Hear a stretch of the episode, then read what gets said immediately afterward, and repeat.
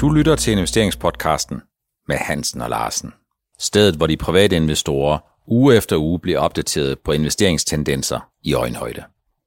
Velkommen til investeringssamtalen med Hansen og Larsen, investeringspodcasten hos Nordnet. Det er stadigvæk sådan her i afsnit nummer 12, at vi håber på, at I vil blive ved med at sende spørgsmål ind til os, så vi får en mulighed for at perspektivere nogle af de der ting, som I som private investorer går og grubler over til hverdag. Der er mange, der ligesom vender tilbage til os og siger, at der er en rigtig, rigtig fin lyd og fine billeder. Tak til Andreas, som er knivskarp på at hjælpe os med det, og tak til Marie-Louise, uden hvem øh, de her gode billeder ikke kan komme øh, ud. Velkommen igen, Helge. Tak. Hvad siger du til aktiemarkedet? Ja, det er jo stadig det koblet, kan du sige, den reelle økonomiske situation i, i alverdens lande. Mm. Så, øh, og det, det kan vi jo sikkert bruge meget tid til at snakke om, og det har vi også gjort tidligere. Men det fakta er, at hvad de øh, centralbankerne gør, og alle de penge, de pumper ud, jamen dem skal man ikke undervurdere, når de sætter gang i hjulene og det er det, vi ser for øjeblikket. Der findes stadigvæk det gamle mundhæld. Vi var lidt inde på det i investeringssamtalen nummer 11, 11. afsnit, Don't Fight the Fed. Og det er jo ikke et udtryk for, at Fed altid har ret, men det er bare et udtryk for, at hvis der kommer tilstrækkeligt meget finansiel og økonomisk opbakning bagved, jamen så er det sådan, at investorerne relativt hurtigt begynder at se på tiden efter krisen, og ikke hænger så meget fast i krisen. Og på den måde, så kan man godt dekoble den virkelige verden, den virkelige økonomi med 25-30 millioner kort, i hvert fald korttidsarbejdsløse i USA, øh, og så et aktiemarked, som ikke i meget stort omfang ser ud, som om de påvirker det. Ja, og så kan vi to altid om nogle år begynde at snakke om, hvad det, hvad det er, hvilken betydning det har, at man trykker så mange pengesedler og smider så meget likviditet ud, uden at man har nogle bagvedliggende værdier til at bakke det op. Mm. Hvordan går det med laksen? Øh, laksen går det faktisk ret godt. Der kom eksporttal nu her, og der så man en 8% øh, i april øh, tilbagegang for eksportværdien af, laks fra, fra fra Norge. Mm. Og øhm, det var jo egentlig taget ventet, for hvad var det, der skete i april? Jamen, der så vi for alvor, at verdens restauranter, hoteller og cateringsfirmaer, de lukkede ned, og vi så, at det her med at få fløjet tingene frem og tilbage, som man meget gør med laks på de lange distancer, jamen det var altså også gået i stå, fordi der var masser af ruter, der var lukket. Så er virkelig så en 8% nedgang, og jeg går ud fra, Helge, at du her tænker på en volumennedgang? Da, nej, det er en nedgang i, i kroner, okay. i norske kroner, og øh, volumen har været det samme. Det vil okay. sige, at man har solgt til lavere priser, øh, og det, de har jo været, selvfølgelig været presset af den her situation, øh, men øh, alligevel skal man sige, at man har solgt til lavere priser, men så har man også haft en lavere værdi på den norske krone, og det har selvfølgelig understøttet afsætningen. Det vi ser helt typisk, og vi ser det næsten altid, når der er noget sådan lidt krise i laksindustrien, det er, at laksen finder altid sin egne veje ud til tallerkenerne over hele verden. Mm. Det har knebet med, med USA, det er jo typisk der, hvor man har flytransport, men, men så har vi set, at Asien, øh, også Kina, øh, de har simpelthen, der, den, afsætningen der er vokset, og så er den også vokset til supermarkederne i Europa. Så man kan sige, at selskaberne, lakseselskaberne har i år øh, faldet i gennemsnit 20 procent siden årets start, øh, men jeg er slet ikke bekymret for det her. Det, det, det er typisk Norge. Det, vi kan jo godt se, at det her vender igen gang, når der kommer bedre balance i markedet, restauranter åbner, hoteller og catering kommer gang igen. Øh, regnskaberne, vi forløbig har set, vi har set fra Bakkerfrost og Movi og, og et par enkelte andre, de har sådan set også været ok. Men hvis jeg, jeg skal dvæle lidt ved Bakkerfrost, som er min favorit i den her sektor, og rigtig mange andre danskers favorit, så er det, de kom med et regnskab, der var præget af, at der har været en stor storm, øh, som havde givet stor udslip af laks øh, på færøerne. Ja. Og det har påvirket, påvirket deres resultat her. Men vi ser også, at, øh, at de, de er i stand til at producere meget mere øh, smålaks på, på, land, på landbassiner. Øh, så bliver de stærkere og, og vokser hurtigere, når de bliver sat ud i søen. Det er de meget gode til, så det venter vi os meget af de næste kvartaler. Plus at uh, omkostningerne ved at producere et kilo laks i Skotland, hvor de har tilkøbt sig nogle virksomheder, jamen der er det sådan, så at den, den er faldet kraftigt. Øh, så øh, lige pludselig står de nok på den anden side af sommeren med, med en, en virksomhed, der er godt gænge igen. Og det var den for øvrigt også i regnskabet, de fik en, en, en pæn bundlinje, alt, ja. Alt taget betragtning. Så man kan sige, at øh, der er noget, der hedder geografi, det vil sige, at nogle markeder er lukket, så, er der nogen, så finder laksen vej til nogle andre markeder, og så er der noget, der hedder fersk versus frost. Så på den måde, ligesom der er noget, der hedder frikadellens flugt over plankeværket, så kan man sige, at laksen, den kan altså ikke undvige middagstallerkenen. Nej, det, man kan jo altid sælge, det er jo en eftertragtet vare, så den kan jo sælges, så sætter man bare priserne lidt ned, hvis man har for meget udbud, ikke? så sætter man dem ned, og sådan er det. Øh, og det, man kan ikke rigtig betragte sektoren som cyklisk mere, altså den, den, den har været meget stabil de senere år.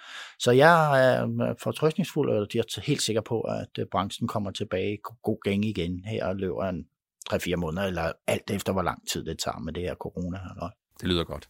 Vi er godt i gang med 12. afsnit, 12. samtale af en investeringspodcast med Hans og Larsen. Husk, det stadigvæk er muligt, og vi meget gerne modtager øh, bidrag og spørgsmål på investeringspodcasten snablag.nordnet.dk, og det er fortsat sådan. Jo mere generelt øh, og jo større selskaber, som I har en idé om, der kunne være interessant at få debatteret, jo nemmere er det for os at brede det ud til så stor en skare som overhovedet muligt. Og et af de spørgsmål, vi har fået, jamen det drejer sig om oplukningsstrategier.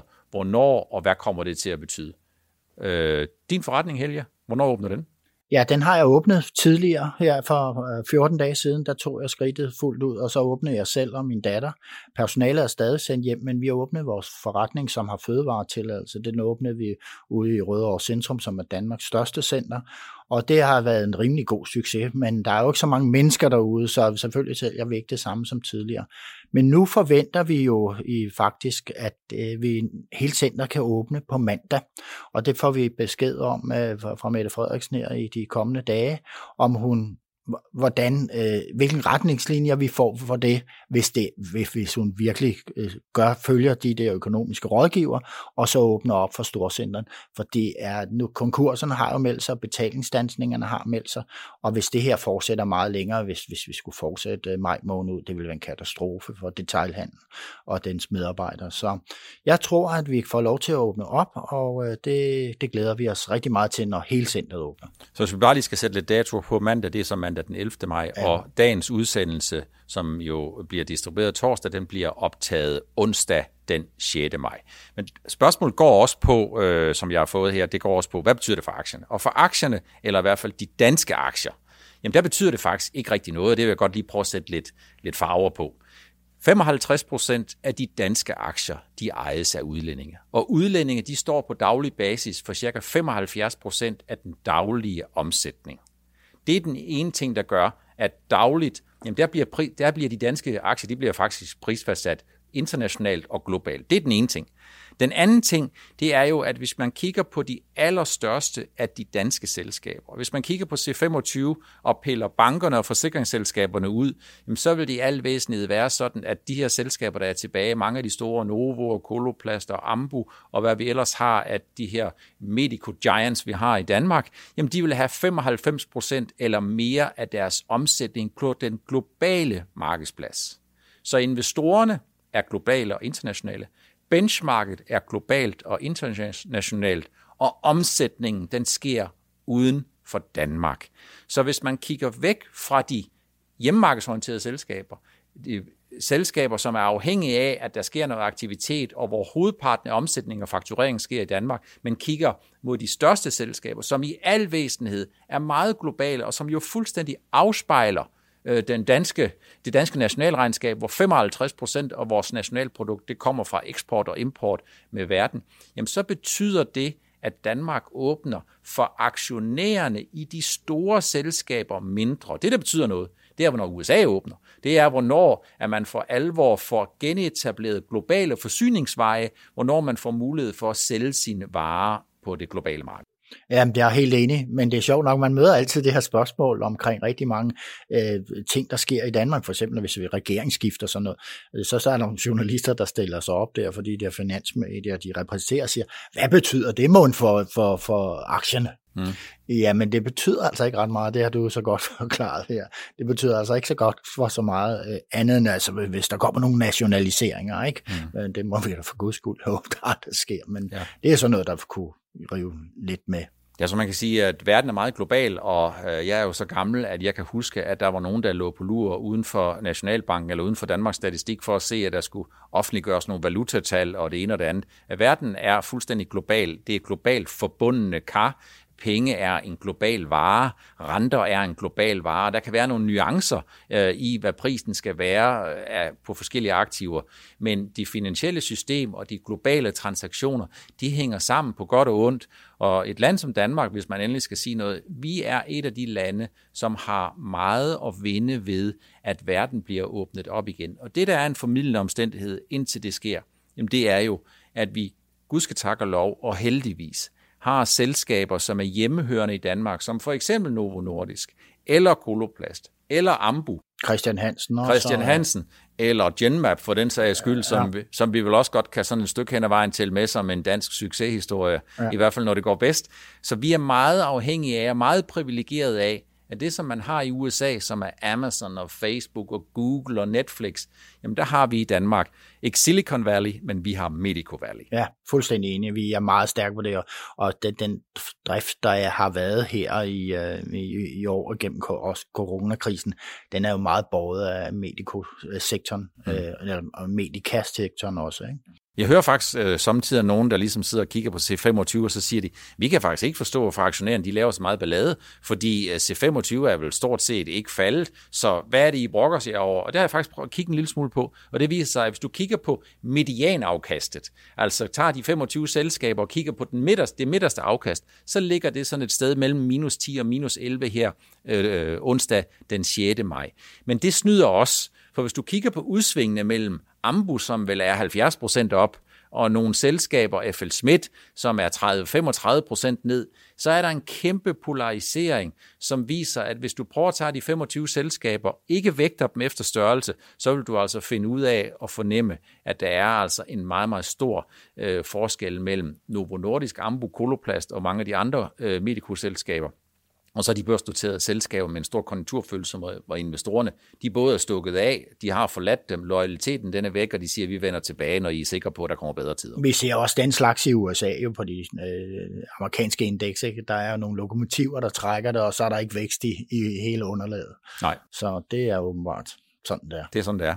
Vi har fået et andet godt spørgsmål, øh, nemlig øh, hvad vil det sige, når en aktie den stiger i eftermarkedet? Altså hvad vil det sige, når man i USA ser en, en positiv eller en negativ reaktion, efter at selskaberne, som jo i hovedsagen har for vane enten at komme og offentliggøre deres regnskaber umiddelbart før, at handlen den starter, eller umiddelbart efter, sådan så man ikke får, hvad skal man sige, den der markedsstøj, den får man ikke ind, fordi når det er sådan, at man offentliggør regnskaber midt i handlen, så samtidig så sker der måske sådan lidt turbulens og lidt tumult, og det kan måske gøre, at der sker større bevægelser. Det har vi også i Danmark. Vi har en lang række selskaber, som også rapporterer i løbet af handlen, men tendensen den går mere imod, at man enten kommer før eller efter, tror jeg.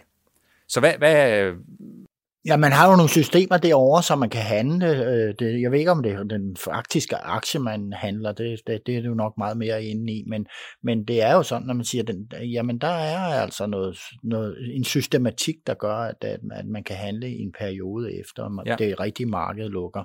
Ja. Øh, vi har jo også haft herhjemme, øh, hvor man havde aftenhandel. Ja, det mm. har man vist stadigvæk, hvor man kan handle i sine netbanker. Men, mm. men jeg, jeg tror, man lukker ned, hvis der kommer et regnskab. Det tror jeg, hvis man går i Danmark. Det tror jeg også, man gør, og det er jo fordi, at øh, hvis man sætter noget på autopilot, hvor der i løbet af, efter den danske handel er lukket, lige pludselig skal komme et regnskab, som er i tilknytning, altså en konkurrent til et eller andet selskab, som enten vil bevæge sig meget næste dag, op eller nedadgående retning, så er det klart, at man ønsker ikke at blive fanget på det forkerte ben. Men det er fuldstændig rigtigt, som du siger, Helge, når der kommer regnskab fra Netflix eller Apple, eller hvad der sker øh, i hovedsagen i USA, jamen så ser du en markedsreaktion, hvor aktien altså, der er nogen, der udbyder det, at man kan handle fuldstændig på samme måde. Man kan sige, det er sådan lidt ligesom tillægstid. Øh, hvis det var i sport, så lægger man lidt tid til, og i den periode, der er der altså nogen, der udbyder og tilbyder, at man kan handle på de udsving. Jeg er ikke rigtig klar over, hvor stor volumen er i det der marked. Jeg tror, den er, for så vidt angår de store selskaber, så tror jeg faktisk, den er ganske betragtelig. Øh, så det er egentlig bare et spørgsmål, kan man sige, om tillægstid til den ordinære spilletid. Og man har det vist også på indeksniveau, ikke? Altså, hvor man kan handle indeks uden for åbningstiden. Ikke? Så. Jamen, jeg tror faktisk, at indeks på futures basis stort set er et globalt fænomen. Det vil sige, når man starter øh, mandag morgen eller søndag aften, alt afhængig af, hvad for nogle tidszoner man er i, jamen så tror jeg da faktisk i virkeligheden, at der findes nogle futures, øh, i hvert fald for S&P 500 og Nasdaq, så tror jeg faktisk, at det mere eller mindre kan handles hele tiden, øh, også om natten, fordi når det er nat hos os, så er det jo morgen ja. eller dag nogle, nogle andre steder. Så det er i virkeligheden sådan et system, som kører hele tiden, og hvor luften den øh, øh, kun står stille eller har brug for at blive renset i weekenden. Øh, vi har set på regnskaber. Onsdag i dag, onsdag den 6., der har vi frisk i Rønning Novo Nordisk, men vi har også set andre regnskaber. Øh, er der nogle ting, øh, som du specielt, Helge, synes, at der er værd at hæfte sig ved? Ja, at, øh, at man kan komme ud med et regnskab, som er negativt i den her tid, øh, og måske guidingen er ikke sådan super sprudlende, men der kan jo komme en kursstigning alligevel, og det vi så det jo Pandora her, øh, hvor man, man kan sige, der var noget med, at man havde sikret noget finansiering, sådan så man kunne holde sine butikker lukket og tage den øh, risiko og omkostning med ind. Og det betød, at man fik en pæn øh, stigning øh, hos Pandora. Men jeg lægger selvfølgelig mærke til Novo i dag, at øh, faktisk skete der det, som vi snakkede om sidste gang. Altså det ser vi der i Novos regnskab, at der bliver hamstret i marts måned, mm. øh, især på det amerikanske marked, hvor man giver de amerikanske forbrugere lov til at købe ekstra meget mm. medicin hjem. Ja. Og det har jo i hvert fald for så, uh, diabetikerne derovre betydet, at, at de har hamstret godt af, af Novos produkter. Uh, og vi har, nu er jeg ikke helt orienteret om, hvor meget den steg pænt i morges her, ja. Novo, og uh, det er fuldt fortjent, fordi vi ser jo de her GLP-1'er, at de går rigtig godt, altså den her nye form, som, som ligesom afløser det, det normale insulin, uh, at, at, at det kører så fuldstændig efter bogen. Mm. Og så så jeg til min store glæde, at, at nu øh, er der gode data på, på relation til andre ting end lige øh, øh, diabetes. Det er for eksempel inden for fedtlever. Øh, vi fik i dag på semaglutid, som fås både på den ene eller anden måde, men er, som ligger også i en tabletform nu her, som nu er lidt en lille smule forsinket i mm. udrulning, men lå meget tæt på det estimere. Men de kan ikke guide sådan specielt for resten af året, ud over de fastholder mm. forventningerne. Men den store maskine i dansk aktieverden, den mm. Novo, den kører på skinner. Man kan vel sige, at hvis jeg skal, i hvert fald min egen opfattelse af det, så er der tre ting, som jeg tager med, ud over de gode nuancer, som du har. Den ene, det er biofarma, op øh, performer rigtig godt og meget bedre end forventet, så er der noget lidt hamstring. Der er noget effekt af, at der er nogen, der ikke ønsker at mangle noget livsvigtig medicin, når det er sådan, at vi alle sammen bliver bedt om både at holde afstand og holde os lidt inde.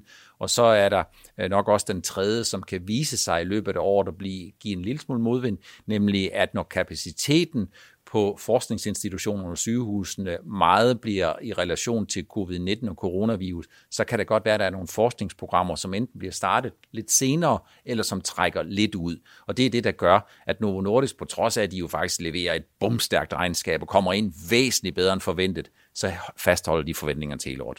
Ja, og man kan sige, det her, det, det her med, med, med alle de her lægevidenskabelige forsøg, det her kan vi jo se i næsten alle biotech-selskaber, der er aflagt i Skandinavien, også i USA, fortæller, at uh, der, der kommer lidt, lidt, det tager lidt længere tid mm.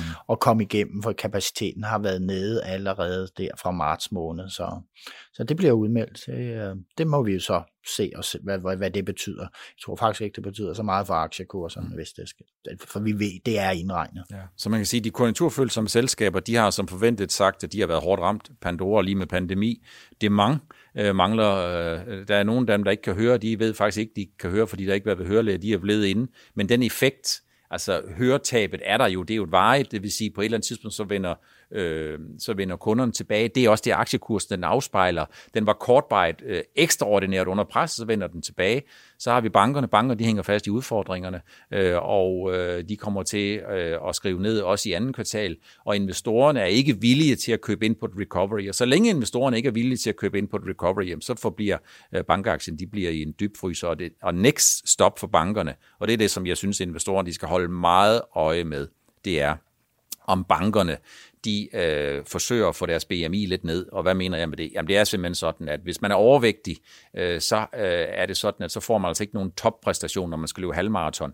Og derfor så kan man sige, at øh, hvis man er overvægtig på omkostningssiden, så er det simpelthen bare et strukturelt øh, problem, og bankerne, ja, de er altså nødt til at indstille sig omkostningsmæssigt, kapacitetmæssigt til en tid, hvor rentemarginalen er lavere, og hvor det simpelthen bare sværere at tjene penge, fordi den, de reserver, de skal have, den polstring, de skal have, det er nok et, øh, et plus i nedgangstider. Man skal bare huske på, at en stødpude, den kan altså godt vise sig at blive til en sovepude, og det er altså ikke noget af det, som giver kursstigninger i bankaktierne. Nej, vi skal jo også gerne se lidt vækst, og man kan jo sige, at vi er jo ikke i en situation lige nu, og med, med, med den her lave øh, økonomi, øh, generelle økonomisk vækst, så betyder det også, at bankerne har ikke de store vækstmuligheder, for tværtimod hensætter de jo til tab på over en bred kamp. Ja. Det har været ugen, hvor olien har fået et mega rebound. Jeg synes faktisk, et markant rebound, det er en, det er en understatement. Hvad, hvad, hvad lægger du i det, Helge? Ja, det, jeg tror, det er psykologisk karakter. Ja. Øhm, for selvfølgelig kan man sige, at i takt med, at der bliver åbnet op, så bliver der også brugt mere olie. Men det er jo ikke, vi, vi kommer jo ikke ud at flyve, og der, bliver, der er jo masser af andre problemer mm. i, i relation til det her. Så ja, det, det har, er typisk sådan noget, Trump han melder ud, at nu, nu åbner vi for dit og datter, så stiger olien med 10-15 procent. Og det er jo det er ikke ligesom det, jeg ser i markedet med, med det store, store overudbud, der har været. Mm. Og så synes jeg ikke, at, at, olieselskaberne er korte nok. Øh, men i relation, måske kan man sige, at amerikanerne har ufrivilligt kortet ved, at, at de må lukke en masse af deres skiferproduktion ned ja. på de her lave niveauer. Ja. Men vi skal altså ikke meget højere op end nogle 30 øh, dollar, øh, hvor det lige pludselig ser interessant ud for de teknologisk bedste skiferproducenter at sætte gang i, i, i produktionen igen. Mm.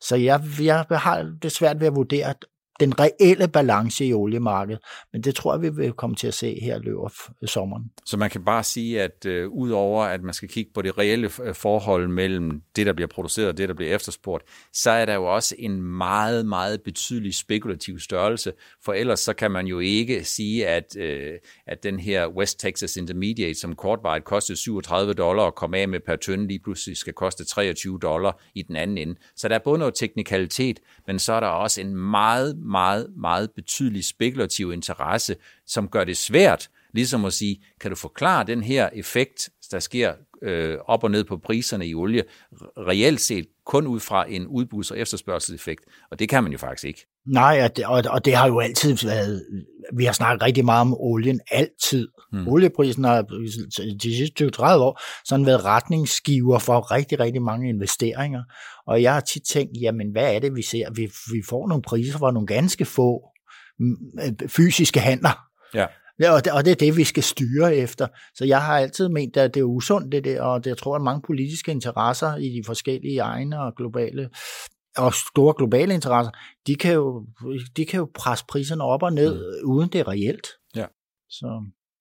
Vi, det ser ud som om, at nedturen er kulmineret øh, i økonomierne, i hvert fald i slutningen af april og herind i starten af maj måned. Vi mangler jo fortsat at se, øh, hvad skal man sige, den, den sidste rest af smerte i USA, men det ser ud som om, at øh, øh, i hvert fald de her tabstal ser ud forhåbentlig som om de er toppet i Italien, ser ud som om de er toppet i Spanien, i Frankrig, og så håber vi på, at de snart topper i England også. England er meget, meget hårdt ramt øh, med, øh, tror jeg desværre, mere end 30.000 eller tæt på 30.000 døde.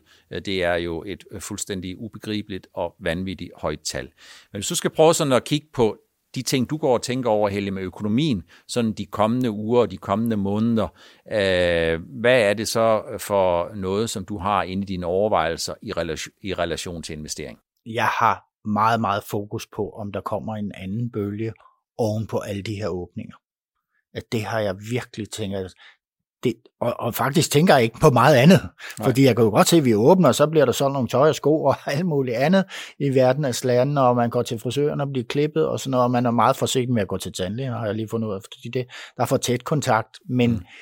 jeg tænker på, om kommer der en anden bølge, og det vil jeg have bekræftet, før jeg sådan gør mig større tanker om aktiemarkedet fremover.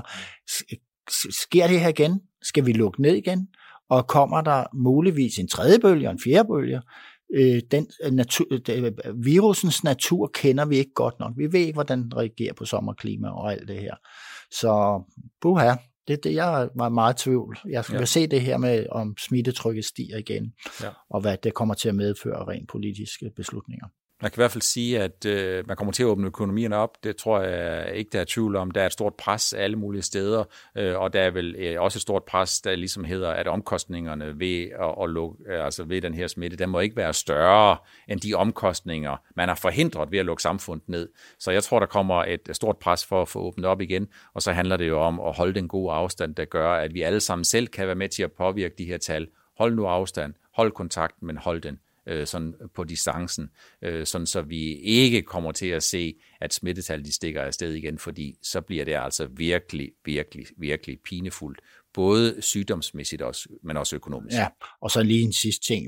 Hvis man virkelig skulle gøre noget, der ville batte i den her situation, det var, at de, de sårbare, de, de udsatte i den her situation, at der, dem fik man altså fagnet godt ind og beskyttet meget bedre, end man gjorde nu. Nu er værnemidlerne kommet og sådan noget, men vi har jo været i en situation over hele verden, hvor man på plejehjem ikke har kunnet beskytte sig mod at smitte fra personale til, til, til de ældre der, og det er jo ganske forfærdeligt. Det, det synes jeg, man skal have virkelig meget fokus på. Så kan det godt være, at smittetrykket ikke kommer til at stige. Hvis man kunne beskytte noget bedre, og hvis man kunne lave i 100.000 vis af tests hver eneste dag, hvor du på fem minutter kunne finde ud af, hvem det er, man skal beskytte ekstraordinært, hvem man skal sætte i karantæne, og hvem der kan løbe frit rundt, så kan man egentlig sige, så vil man meget, meget hurtigere komme i en situation, hvor man succesfuldt kunne lukke op. Så det er bare et spørgsmål om at lave testene, og så kunne få dem afgjort med det samme, så man ikke skal vente nogle dage på det. Det er i hvert fald den løsning, der har fungeret godt i Sydkorea og andre steder, så det håber jeg bliver aktuelt i Danmark også.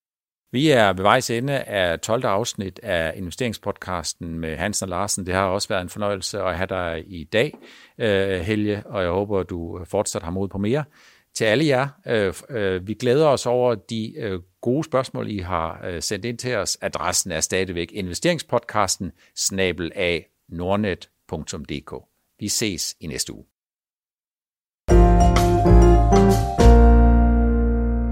Du lyttede til investeringspodcasten med Hansen og Larsen. Vi ses igen i næste uge.